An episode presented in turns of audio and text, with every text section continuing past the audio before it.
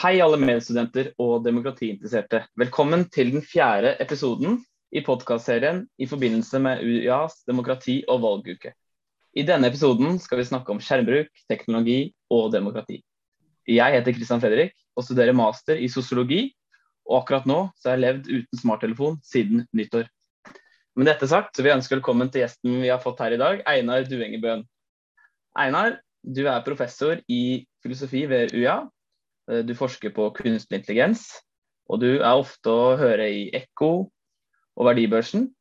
Og du ble på mange måter litt ekstra kjent da, med dine advarsler eh, angående skjermbruk, og særlig unge. Og du var tidlig aktuell med boken 'Meningen med livet', men nå så er du aktuell med podkasten om, om, Nietzsche sammen med Kristoffer Schou. Har jeg fått med meg det viktigste, Einar? Ja, jeg syns det var mye. Eh, jeg har en bok som heter 'Hva er metafysikk?' som kommer nå. Eh, den kommer nå om en måned på universitetsforlaget i den derre Hva er-serien.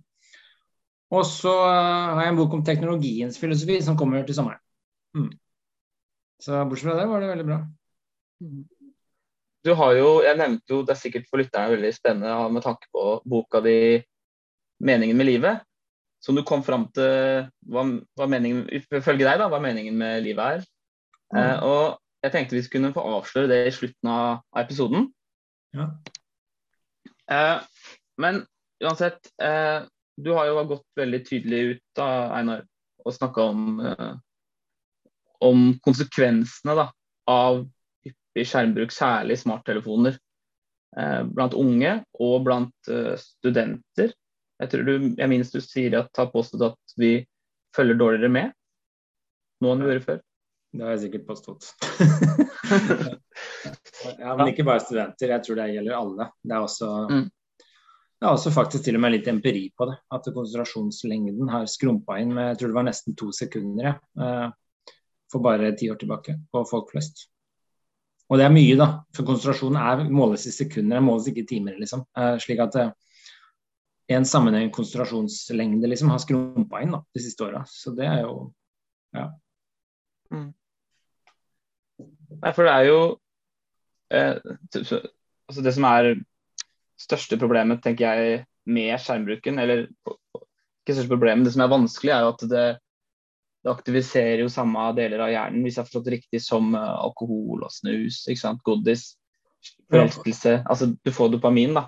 Ja. Du vil jo du vil bare se på det hele tiden. Ja, det er sånn belønningssenter i hjernen da, som aktiveres når, eh, med telefonen på lik linje med andre ting som er gøy, da, som man blir litt sånn avhengig av. Sånn uh, ros for andre, alkohol, eh, narkotika, en god klem. Alt sånt som er godt, da.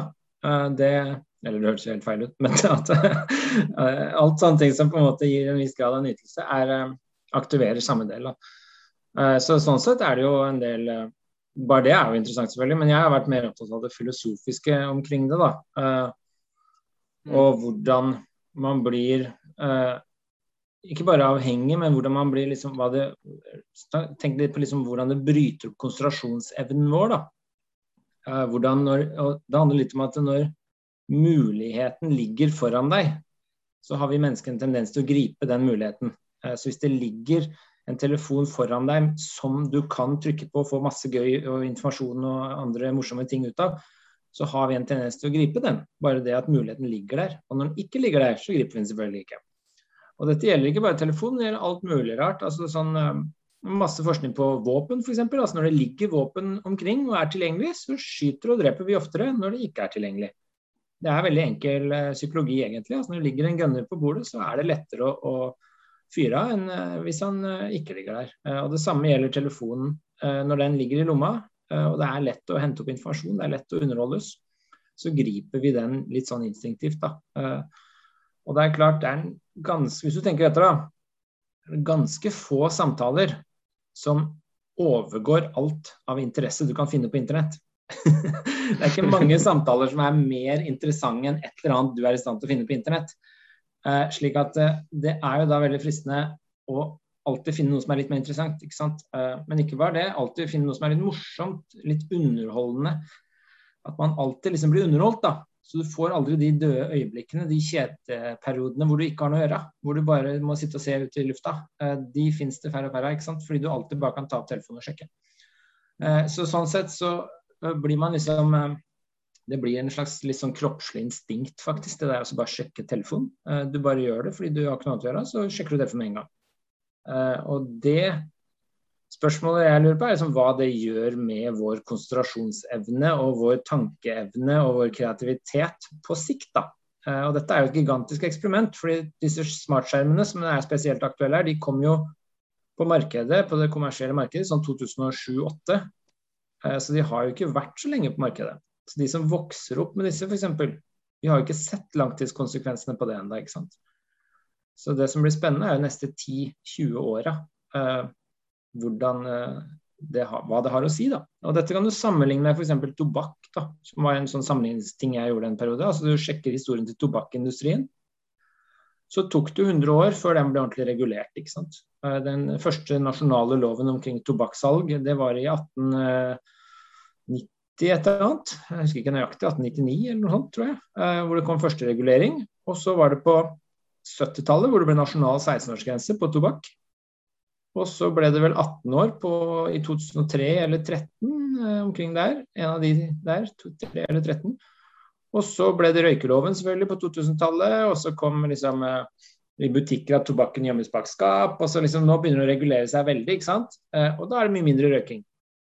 Men det, var liksom en, det krever ganske lang tid før du ser konsekvensen. Bare det at det ledet til kreft, krevde jo liksom 60-70 år før man innså det. ikke sant? Samtidig som den kommersielle industrien jobber selvfølgelig mot de negative resultatene.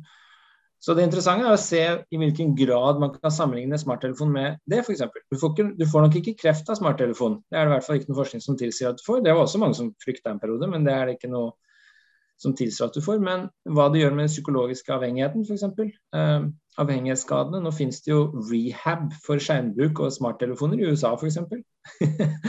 at man kan gå til avrusning. Det er veldig, bare det er jo et tegn, liksom. Eh, så det blir spennende å se da, hvordan og hva slags reguleringer som eh, kommer til å komme da, når man ser langtidskonsekvensene av det. Eh, og dette har jo alle personlige anekdoter om. Jeg bare babler, jeg, Kristian. Hvis, ja. Nei, for at ja, det, er, det, er, veldig fint, det.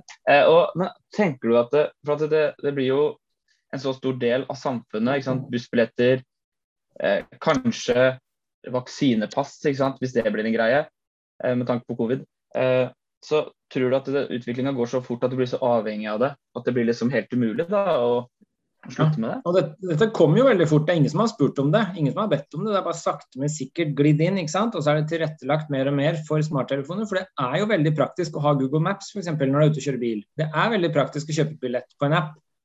Eh, så hver enkelt app har jo sin praktiske funksjon. Uh, og så er det noen som bare er tull av underholdning og moro. Og så er det sosiale medier som er en helt egen greie. Men det, hver enkelt app har jo en god, også en god funksjon, da, uh, effektiv funksjon. Men det er ofte mangelen på helhetstenkning. da, altså Det er summen av alle appene. For så Hvis jeg har 20 apper på telefonen min, og hver av de har en funksjon som er litt fin liksom, i forhold til å måtte gå in person og søke på et eller annet kontor og stå i kø og levere noen papirer, så er det kjapt å gjøre det på en app f.eks. Uh, og hver av de kan ha sånne positive ting. Men summen blir overveldende. fordi da sitter du med en telefon i lomma som alle funksjoner kan utføres på. Eh, og da blir det til at du slutt blir overvelda av alt du kan få gjort der og da. Eh, og pluss at du legger på underholdningsapper, så du aldri kjeder deg. Pluss at du legger på sosiale medier, som gjør at det egentlig døra inn til ditt liv står åpen hele tida. Eh, da, har du på en måte, da lever du i et offentlig rom overstrømma av informasjon. Som summen for, meg i hvert fall, så vidt jeg kan skjønne, er helt overveldende på et enkeltmenneske. Så trikset da blir jo ikke hvordan du skal få tak i informasjon, eller hvordan du skal få utretta et ærend. Trikset blir heller hvordan du skal klare å unngå å få den informasjonen du ikke trenger, eller unngå å få gjort noe du ikke behøver å gjøre akkurat nå, eller unngå å se enda en kattevideo som du ikke trenger. Spørsmålet blir heller hvordan du skal unngå å sile ut all informasjon og gjøremål på den telefonen enn det var før. Hvor det var sånn Hvordan skal jeg få levert disse papirene? Jo, jeg må dra dit. Så det blir på en måte, problemet blir snudd på hodet. da. Nå er det liksom overdose, mens før så var det underdose ikke sant, på eh, sånne ting. Eh. Og så er det sånn, sånn som for min del, nå bruker jeg jo gammel Nokia, og det fungerer utmerket. Jeg tenker at vi, vi mennesker vi, vi, er veldig tilpasningsdyktige, så det, bare, altså, det, er bare å snakke om tid. da, Så er du vant til det. Ok, Det er litt mer stress å logge på i banken og overføre. og ok, Jeg har ikke Tinder, greit. Nei, ikke Tinder, men ikke Vips. Nei, Vips. Tinder er en annen sak, men jeg har ikke, jeg har ikke Vips. Hvordan løser jeg det? Da Nei, da legger jeg ut, da. Så vipser de meg. ikke sant? Så det, altså, på Tinder det finnes faktisk på PC nå, ikke sant? så har du løst det da, hvis du er singel. Mm. Men eh, men uh, utfordringa ligger ofte i at ok, nå har jeg ikke smarttelefon, da. Men ofte så du sitter du på PC-en og jobber på skolen, sånn som vi studenter gjør, sitter på PC-en hele tiden. Ok, vi, har, vi, bruker kanskje ikke smarttelefonen, da, men jeg har jo vg.no, har Morgenbladet, jeg har Krono, jeg har alle disse andre tingene i tillegg. da. Så man blir så vant til eh, det, det jeg kjenner at det er utfordrende. at du, okay, du er ikke på smarttelefonen, da, men du, du har likevel muligheten til å konstant få tilfredsstillelse gjennom internett. da uansett. Jeg har også slutta med smartphone en periode. Jeg bytta mm. til sånn flipptelefon. Jeg De er så kule, sånn du flipper opp. Så jeg kjøpte en sånn en. Eh, men jeg har jo barn og sånn, da, så jeg regulerer en del app-bruk og sånn fra dem. Så jeg har en smarttelefon liggende. Eh, som jeg, har, så jeg har sånn twin-kort. Men jeg bruker denne flipptelefonen på dagtid og når jeg går tur og sånt i hverdags. da. Eh, men uh, i begynnelsen var det litt sånn som du sa. ikke sant? Altså, du, jeg nådde et, punkt, et metningspunkt da, og jeg tenkte sånn jeg føler rett og slett at dette er et overgrep. Jeg føler at de misbruker meg, og at eh, noen tvinger seg på mitt liv og kontrollerer min tid uten at jeg noen gang har bedt om det. Jeg vet ikke hvordan jeg endte opp her. Jeg kom til det punktet, liksom, eh, hvor enhver åpning av smarttelefonen min gjorde meg egentlig ganske kvalm. Eh, så da bare slutta jeg. Og da, i begynnelsen, da, så er det sånn kroppslig instinkt. Altså jeg, jeg tok opp dumtelefonen og begynte å ta på skjermen, ikke sant. så det var en del sånne ting. Eh, og så følte jeg at jeg gikk glipp av veldig mye. Jeg følte å herregud, nå går jeg glipp av mye på sosiale medier f.eks. Eh, men det er som du sier, ja, det er bare en vanesak. Og jeg ble bare vant til det her fordi jeg ble dytta på det. Jeg hadde aldri spurt om det. Og så ble jeg vant til da å ikke sjekke. Så da kan jeg sjekke Facebook når jeg går inn på en laptop f.eks. Eh, ikke hele tiden på telefonen. For hvis jeg har det på telefonen, så sjekker jeg ti ganger så ofte. Eh, hvis jeg bare har det på laptopen, så sjekker jeg sjeldnere. Da sjekker jeg liksom en gang på jobb og en gang om kvelden og en gang om morgenen. liksom. Da sjekker jeg mye sjeldnere. Og da får jeg den roen imellom de periodene, og da har jeg jo faktisk ikke gått glipp av noe. Tvert imot, jeg har sluppet å sett på all den tullet fra gamle klassekamerater som jeg ikke er interessert i å se på, som jeg aldri hadde lyst til å se på. Jeg slipper å se det. Ja, så jeg får tid, da. Jeg får tilbake mitt eget liv, egentlig, sånn jeg ser det. Eh, og mm. ikke lar andre i et annet land, et annet sted i verden, styre min tidsbruk. Så det er litt det der å ta tilbake kontrollen på eget liv, da, som jeg føler jeg gjorde når jeg gikk over til en dumtelefon. Det kan høres litt mm. sånn overdrevent ut, vi snakker bare om en telefon, men det er faktisk ganske essensielt. Det der med å kunne gå i flere timer uten at det er noe jeg føler behov for å sjekke og formidle og bli avbrutt med. da. Så gå en skogtur i et par timer, og så er det ingen andre som forstyrrer den turen. da. Det er ja, man... ganske magisk, egentlig.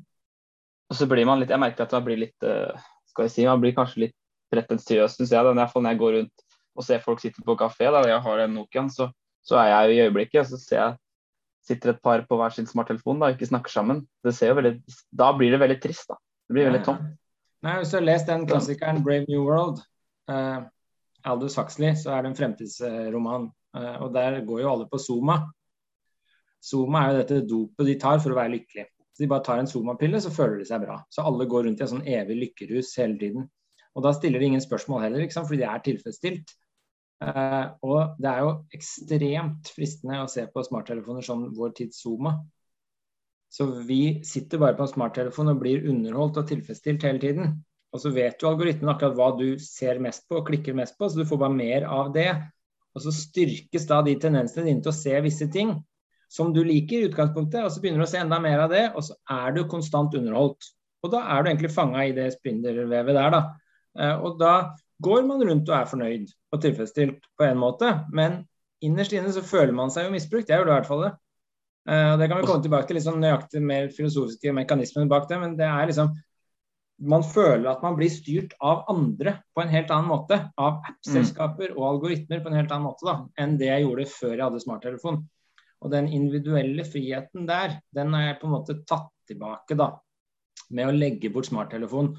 Og den smarttelefonen jeg har pga. barn og app-selskap, familiedeling på apper og sånn, så, sånn, bare sånn musikk ikke sant, som veldig mange hører på. Jeg må ha liksom Spotify, ikke sant, som jeg kontrollerer. Jeg har familieabonnement der, så jeg har denne smarttelefonen som jeg bruker. Men jeg har f.eks. ingen sosiale medier på den smarttelefonen. Så selv om kvelden når jeg går inn på den, så har jeg ikke noen sosiale medier på smarttelefonen. For da blir det bare sitte og se på det. Uh, og, hva, og, hva, er det du, ja, og hva er det du ser da på disse uh, sosiale mediene?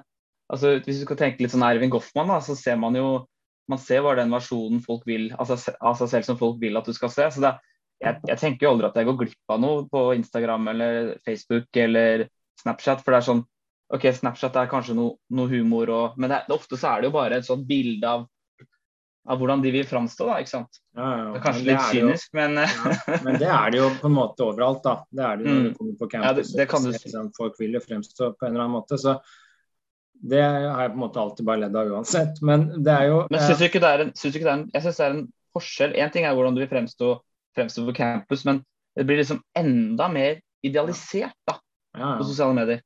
At du klarer ikke å idealisere det så mye i virkeligheten. Nei. Men, men, eh, men et, en, et, over, over, til noe annet. Bare Einar, med tanke på, på nordmenn eh, og teknologi, da, ikke sant.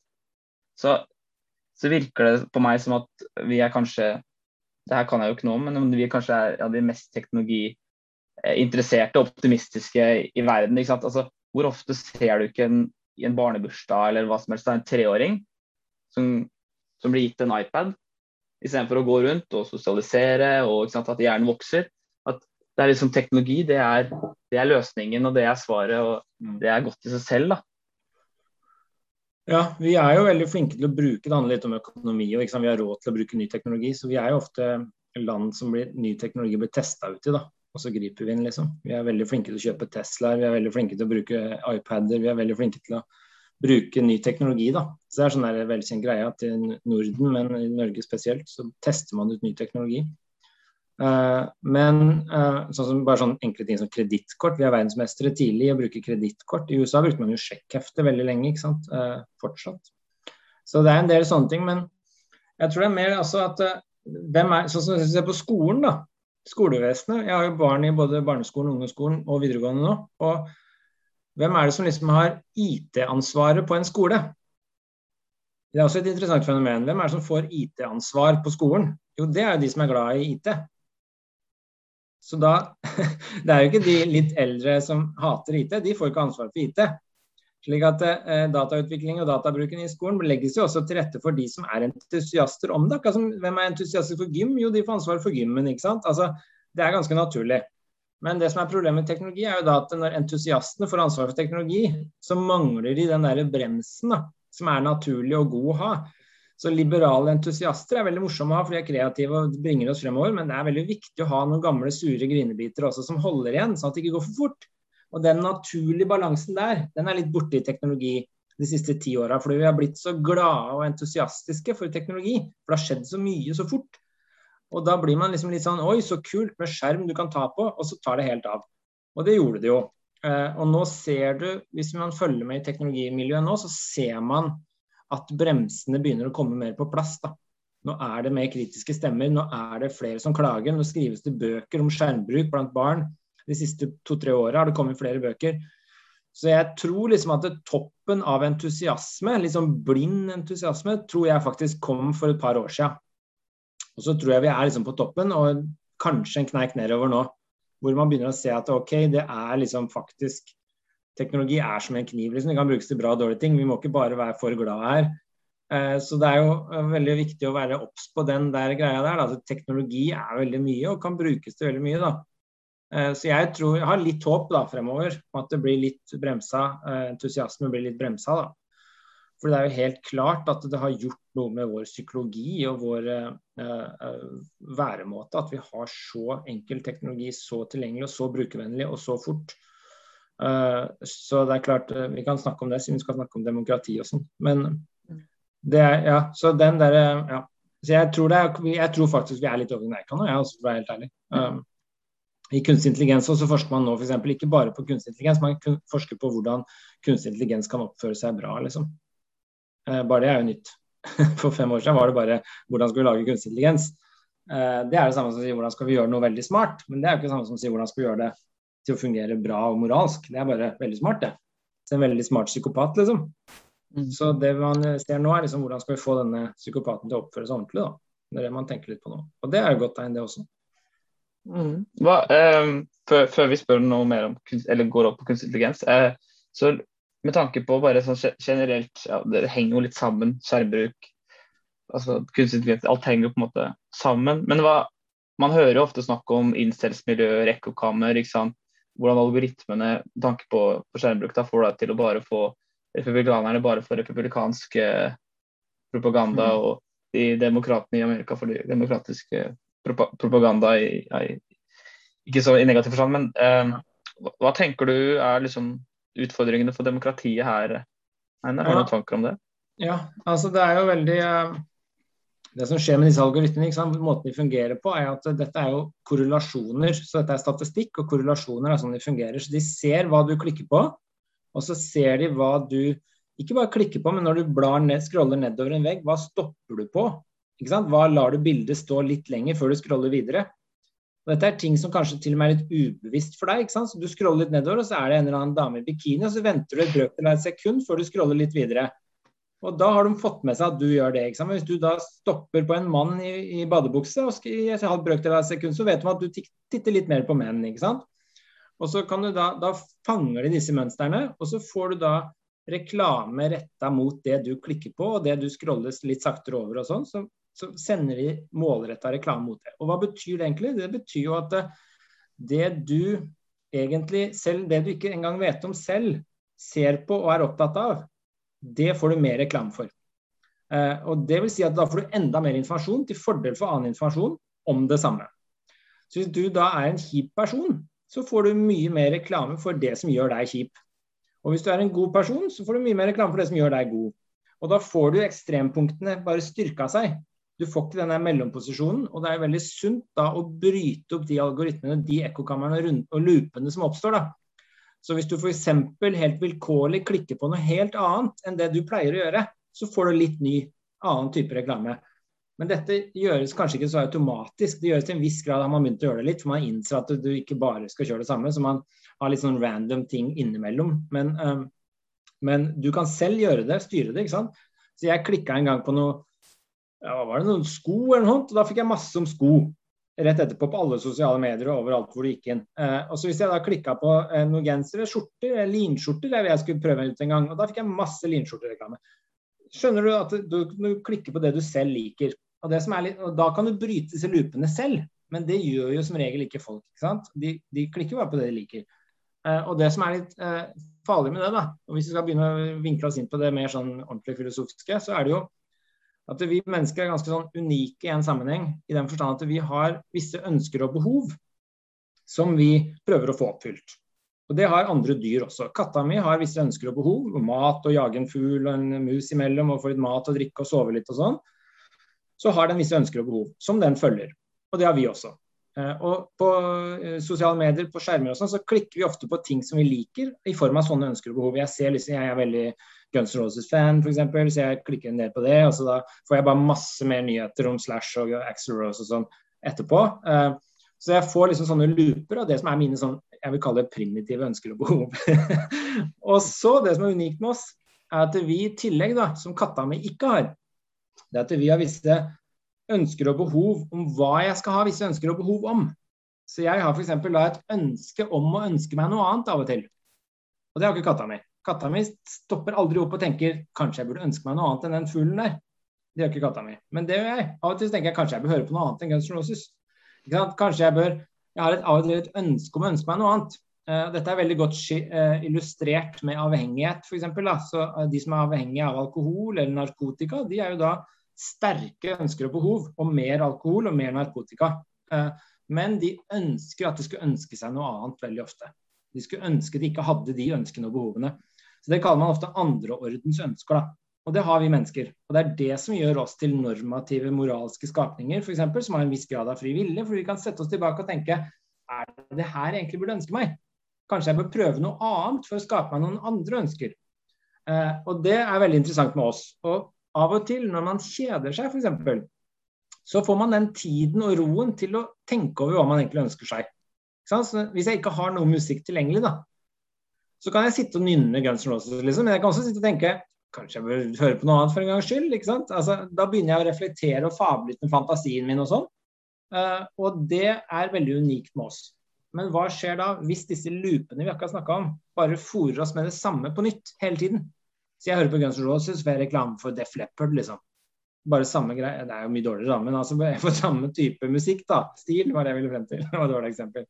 Vanskelig å toppe bra. Si sånn. Men eh, ja, så får jeg liksom Def Leppard, så får jeg Motley Crew, og så får jeg andre band i samme sjanger, liksom. Men hvis jeg hele tiden blir underholdt på det, og jeg aldri bryter den loopen selv, men blir bombardert med nye forslag hele tiden, så får jeg bare den samme musikkstilen, og da gror jeg fast i den stilen. Eh, eh, sånn sett så er loopene dårlige, for de bare forsterker den kjipe delen av meg i stedet for å utvikle meg videre. Eh, det er derfor det er viktig å bryte opp disse loopene. Så, så, så det du sier enkelt, er at dette er, en, uh, dette er et problem fordi du har uh, Du får det samme opp hele tiden, så du får ikke noen nye impulser. Og du mister konsentrasjonen så du blir avbrutt, så du klarer ikke å tenke nye kreative ja, tanker. Du får ikke den tiden. Ja. Så du får ikke den tiden og roen da. Du får ikke den tiden og roen til å tenke over om det er dette du burde like, for du får hele tiden forslag. Så tenk på Netflix, du ser ferdig en serie, så får du forslag til en ny serie i akkurat samme sjanger før mm. rulleteksten er ferdig. Da er det jo fryktelig lettvint å bare klikke på den, istedenfor å begynne å tenke sjøl. Ja, hvis ikke du trykker på den, så kommer den av seg selv uansett. Så du, ja. du har liksom ikke noe valg. Det blir liksom information overdose da, av akkurat samme mm. greia. Og Det gjør noe med konsentrasjonen vår òg, for vi får aldri den roen til å sitte og tenke over hva vi egentlig skulle ønske oss. Det er som å gi en narkoman eller en alkoholiker konstant feed med dop og alkohol.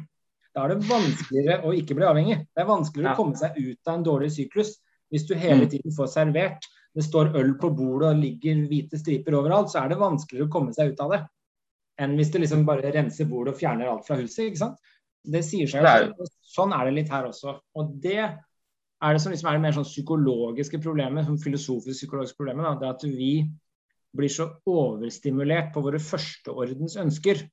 I mm. motsetning til de andre ordens ønskene om hva vi ønsker oss. Og det er de som jo er med på å gjøre at vi kan utvikle oss. Det er de som er med på å gjøre at vi kan skjønne hva vi burde gjøre, ikke burde gjøre.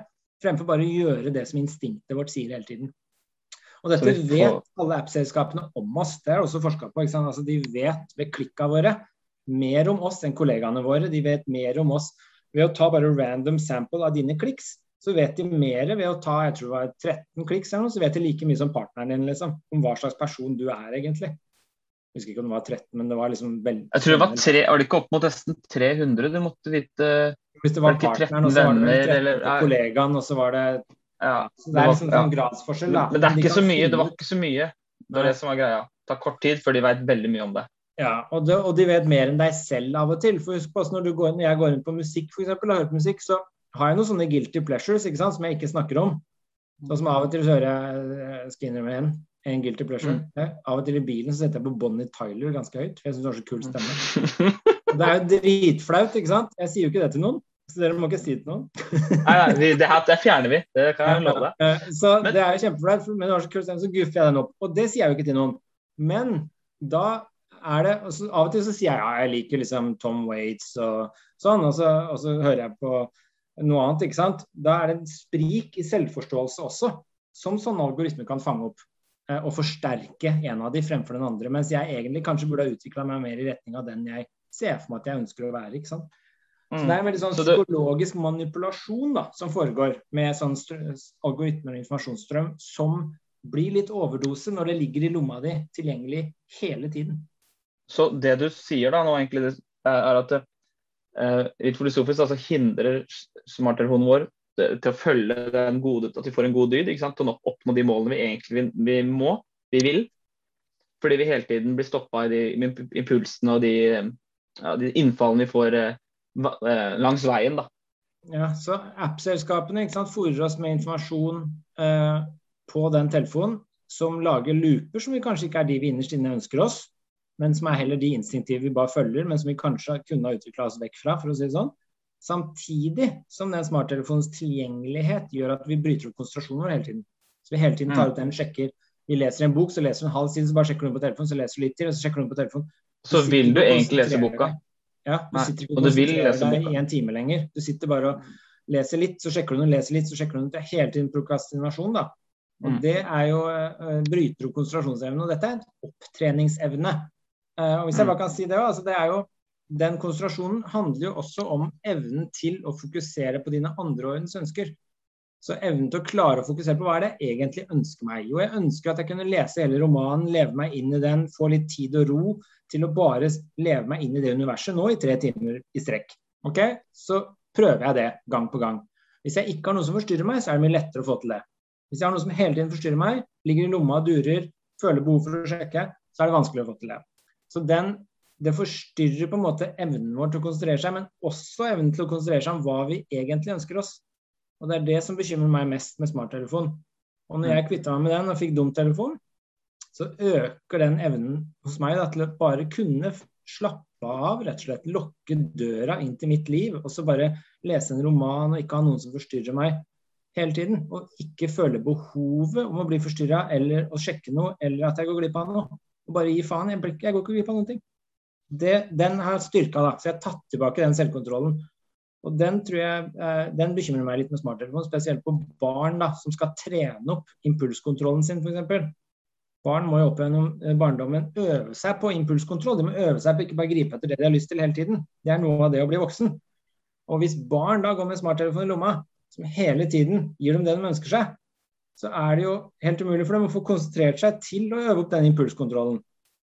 Så jeg tror det er veldig skadelig for barn da, å ikke ha den roa, roen til å kunne konsentrere seg, til å kjede seg, til å ikke bli underholdt.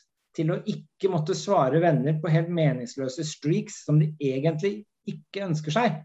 Og gi dem den friheten da, til å kunne konsentrere seg om noe som de kanskje ikke selv innser med en gang at er det beste, men som på lang sikt faktisk er det beste. Da. Og gi dem den roen. Det tror jeg er sterkt undervurdert og bekymringsverdig at det ikke, at blir borte i den smarttelefonverdenen, sånn jeg ser det. Og spesielt med Snapchat da, på barn.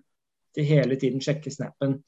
Få snapper inn hele tiden. Det er jo helt vanvittig. Eh, Det er jo galskap hvis du tenker over barn som sitter og sjekker snap, som er bare tull. Det er bare sånn herre ja, ja, nytt bilde fra et kjøkken, bilde fra en bil. Det er helt meningsløst. Uh, så ja. Så vi voksne blir også litt mer som barn da, med Ja, smarttelefon? ja. Det er det er jo ikke voksne, voksne folk fins jo ikke. Alle. Nei, nei, men jeg er for så vidt eh, helt enig i det. Men Men altså, det å sette et- grenser, da. Bare det siste på Ja. det punktet her. Det å sette grenser er viktig overfor barn. ikke sant? Altså, det å faktisk si nei, da. Det kan ligge mye kjærlighet i det å si nei og nekte barna dine ting. Eh, og det å nekte dem f.eks. smarttelefon etter klokka sju på kvelden og sånn, det kan være veldig mye kjærlighet i det. Det kan være en veldig stor frihet for barn å få slippe å måtte ta masse valg etter klokka sju om hva de skal sjekke på telefonen og sånn. Og bare sette en vegg der, da. Sette en skjermkontroll. Bare si etter sju, stengt. Telefonen funker ikke etter sju. Eh, Da er det kun ringing som funker, f.eks. Ingen andre apper. Det går an. Det er sånn familiedeling, da. Det har vi. Det er mange som ikke vet om det engang, men familiedeling på apper, det funker helt fint. Da bare kontrollerer du app-bruken. Og det å si nei, det er røft, da, fordi det er sånn spill, ikke sant. Så alle andre har telefon og smart og snap, og så skal du ta fra den ene ungen den snappen, og alle andre har det. Det er kjempeproblematisk. Så selv om alle vil ta fra ungene sine den snappen, så er det ingen som gjør det fordi ingen andre gjør det. Så det blir sånn spillteoretisk dilemma.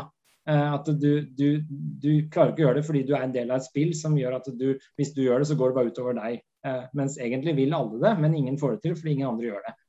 Mm. Eh, og dette er et dilemma. Men det å bare si nei etter sju, ingen smarttelefon, ingen eh, Snapchat, da må du gjøre noe annet. Så går det seg til, tror jeg. da. Så det er sånne restriksjoner jeg tror må komme. da.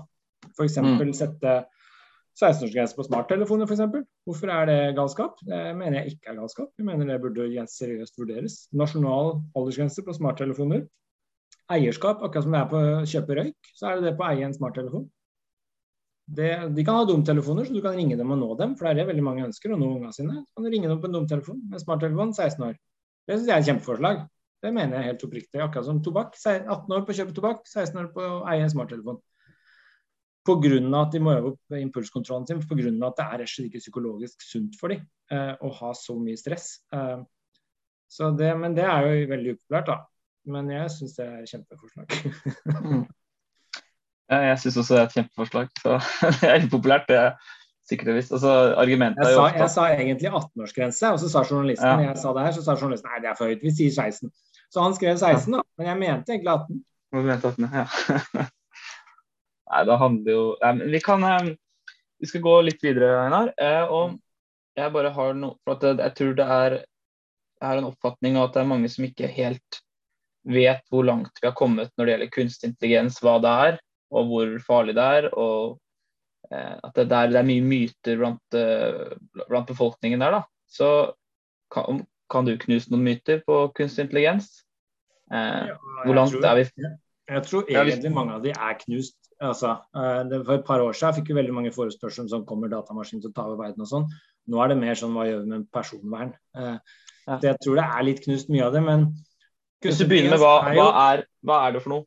Nei, Kunstig intelligens er jo egentlig altså det er jo morsomme er at selv de som forsker på kunstig intelligens, krangler om hva det er. Det er ingen som har en definisjon på det, så det er veldig morsomt. Eh, men kunstig intelligens er jo egentlig beste definisjonen jeg vet om, da. Det er at det er kompleks problemløsning som er utført av et kunstig materiale. Så det er som regel en digital datamaskin i våre tider. Så at uh, Kunstig intelligens er egentlig et datasystem som utfører en viss kompleks problemstilling, eh, eh, problemløsning. Eh, og så er det det med nye, Men det er en ganske bred definisjon, da. Så Da blir en gammel kalkulator f.eks. kunstig intelligent. Men den nyere versjonen av kunstig intelligens er jo har en mye høyere grad av autonomi eller selvstendighet som gjør det ganske skremmende.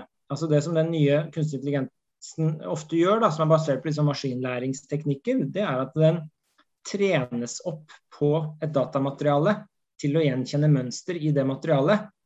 Og så, når du da gir nytt materiale, så klarer den å kategorisere det riktig. Ut ifra gammelt materiale den er trent opp på. Og det er nytt. For en gammel kalkulator kan du ikke gi et nytt tall den aldri har blitt programmert til å behandle. Den svarer bare det den er programmert til å svare på hvert eneste tall. Mens nyere kunstig intelligens de kan du f.eks. fòre med bilder av føflekk, føflekker. Da. Og så kan du gi en, million bilder av føflekker, og så kan du fortelle hvilke som er kreft og ikke. Og så gjenkjenner jeg et mønster i den mengden med data. slik at når du gir den da det million og første bildet, som er helt nytt i forhold til de million forrige, så klarer den å bedre enn leger kategorisere det som kreft eller ikke. Og Det er noe helt nytt, fordi da klarer den å svare på nytt datamateriale av samme type som den ikke har sett før. Og Den selvstendighetsgraden er jo veldig nytt da, i nyere kunstig intelligens. Altså, da kan den f.eks. se på alt du klikker på på internett, se på ansiktet ditt, alle mulige versjoner av ansiktet ditt. Og så klarer den å gjenkjenne et nytt bilde av deg som den aldri har sett før. Eh, bedre enn vi gjør av og til. Eh, og da får du eh, informasjon ut av det, sånne systemer og løser problemer, da, kan du si. Eh, på en måte som er bedre enn oss. Og Det er sånn den vinner over oss i sjakk, det er sånn den vinner over oss i go, disse brettspillene den slår oss i. Det er ved at den gjenkjenner vinnermønstre i store datamengder som vi ikke ser. Og så gjør den bare det. Så det er en korrelasjon av datapunkter egentlig, som den gjenkjenner mønstre i, som vi ikke klarer å se og gjenkjenne selv. Da. Så den er rett og slett blitt bedre mønstergjenkjenner enn oss. Eh, og det er alt. Så egentlig er kunstig intelligens bare statistikk. Det er alt. Mm. Det er statistikk på datapunkter, eh, og ikke noe mer. Eh, Sånn sett er det helt dødt. Det er ikke noe bevissthet der, det er ikke noe moral der, det er ingenting. Det er bare en kompleks problemløsning. Egentlig fullstendig uinteressant, ikke sant. Men bruken av det, sånn vi ser på internett og smarttelefoner og sosiale medier og sånn, er jo det som er interessant nå i våre dager, da. Men det er egentlig ganske kjedelig, kunstig intelligens som fenomen. Det er matematikk, det er kjempekjedelig.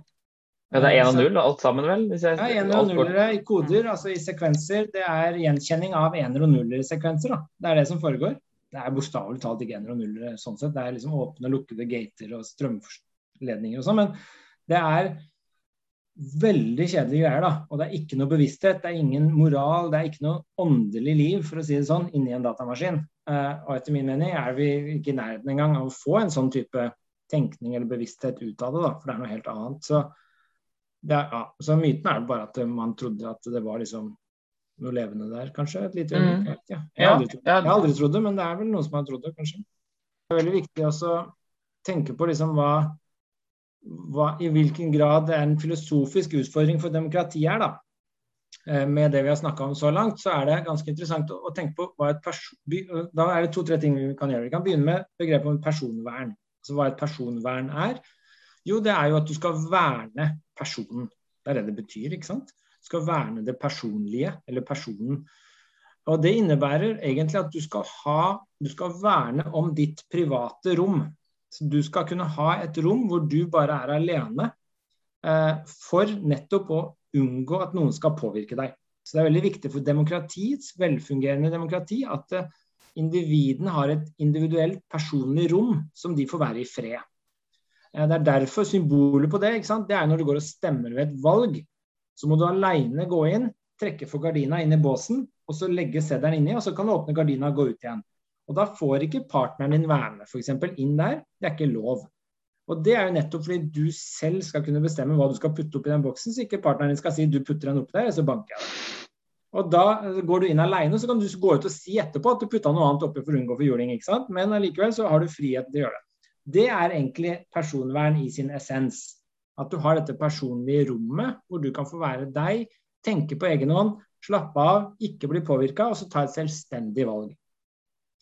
Uh, og Det er jo da i mer sånn kollektivistiske kulturer som man ser for seg, sånn som ofte skrekkscenarioet er fra Kina, da, når vi diskuterer det i Vesten, så er det jo at det mangler. At det er total overvåkning, f.eks.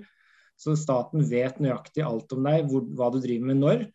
Da har de full kontroll på deg på en helt annen måte. Men hvis du har ditt personlige rom, du går inn i huset ditt f.eks. og lukker alle vinduer og dører, og det er ikke noen som overvåker deg, så har du et personlig rom hjemme hos deg selv hvor du kan få være i fred, utvikle dine tanker, så kan du gå ut igjen i samfunnet og delta og bli påvirka av sånn. Og så kan du gå inn igjen, tenke litt over det, gå ut igjen. Hvis det da hele tiden står et kamera og ser på deg inni huset ditt, som du vet da staten eller noen andre har på og ser alt du gjør, på do, på, i, på soverommet ditt, på kjøkkenet, så har du ikke dette rommet. Det er sett på som en trussel mot demokrati, for da har du aldri den freden til å få lov til å gjøre det du har lyst til å ta av valg.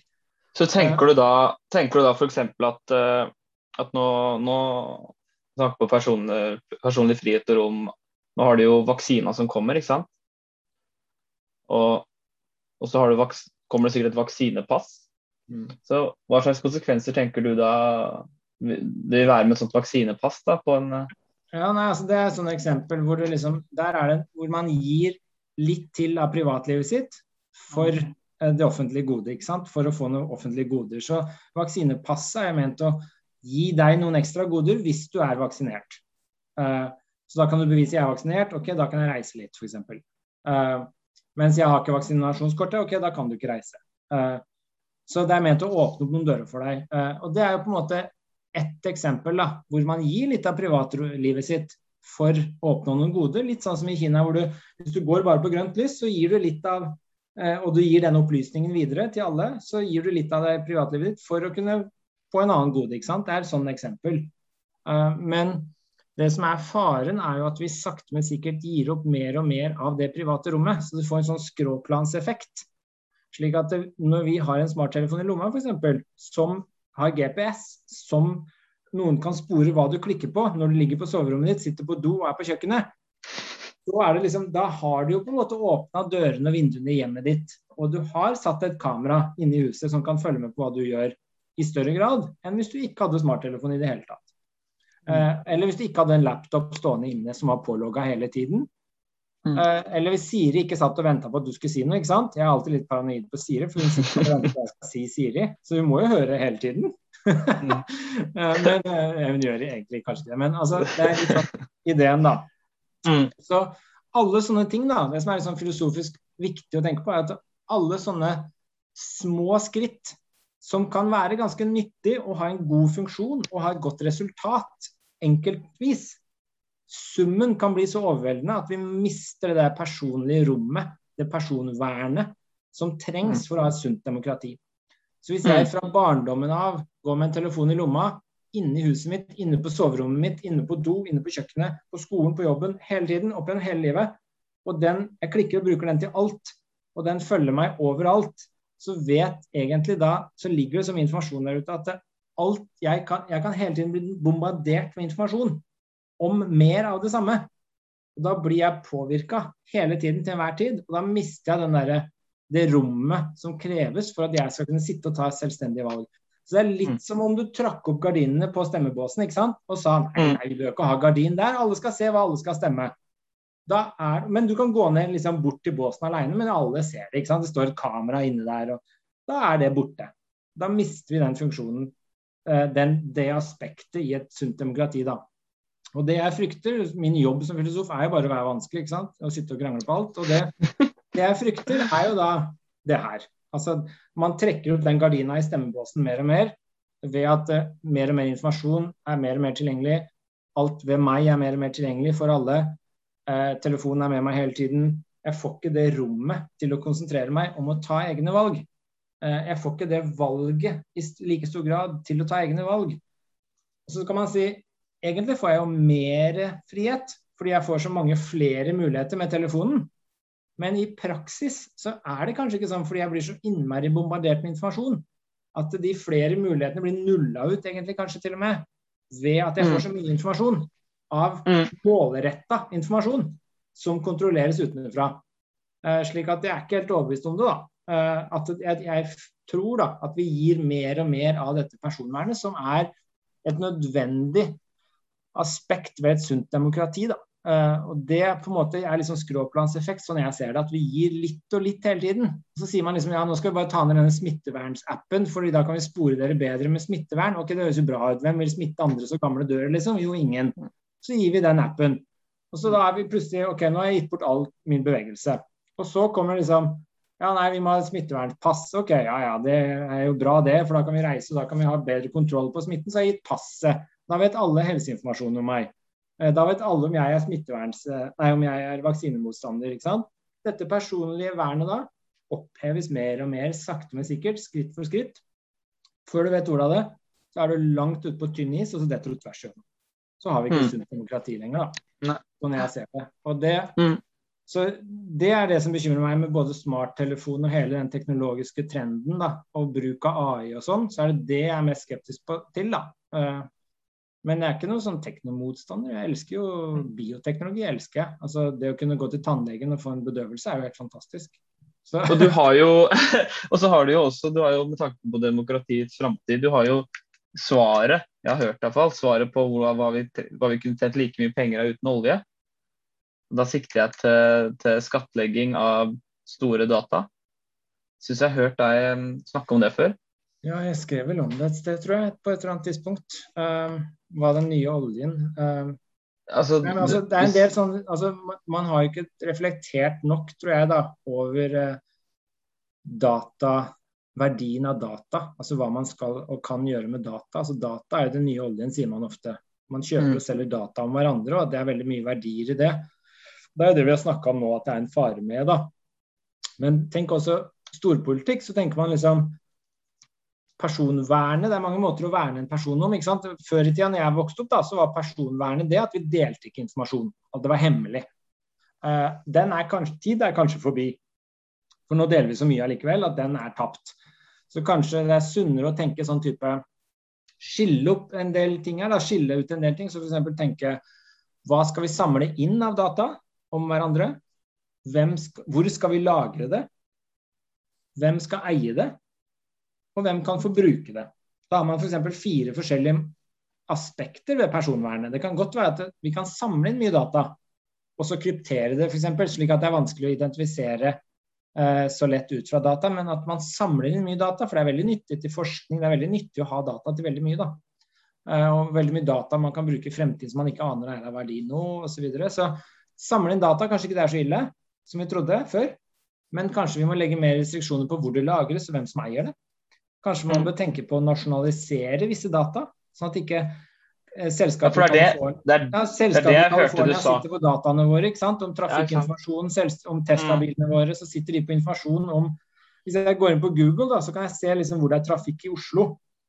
Hvis jeg mm. går inn på Oslo Sporveier, så ser jeg det ikke. ikke sant? Så hvem eier informasjonen? Jo, da vet Google mer om Oslo-trafikken enn Oslo kommune. Og da er sånn spørsmål hvem skal eie den informasjonen, for det er nasjonal interesse når du skal legge nye så, veier, f.eks. Så hvis vi hadde skattlagt sånn, ja, så hvis vi hadde skattlagt eh, alle utenlandske firmaer som eier informasjon om nordmenn, så hadde vi vært på en start da, De måtte skatte av den informasjonen pga. den norske borger, så hadde vi vært på en slags vei, da. Ja, så Det er litt sånn som olje, olje, og laks da, som har vært sammenligna. Mm. Altså, oljen ble jo mm. nasjonalisert på 70-tallet, 60-70-tallet. Og da kom det norske borgere til gode at vi fant olje i Norge. Eh, for det var en ressurs som tilhørte egentlig hele landet. Og så laksen oppdrettslaksen langs kysten da, den kommer jo ikke det offentlige til gode. Den ble privatisert. Alle milliardene gikk rett til han der fotomodellen som eier alt, han der som arva alt. litt overdrivet sagt, men altså, det Mm. gikk til private hender.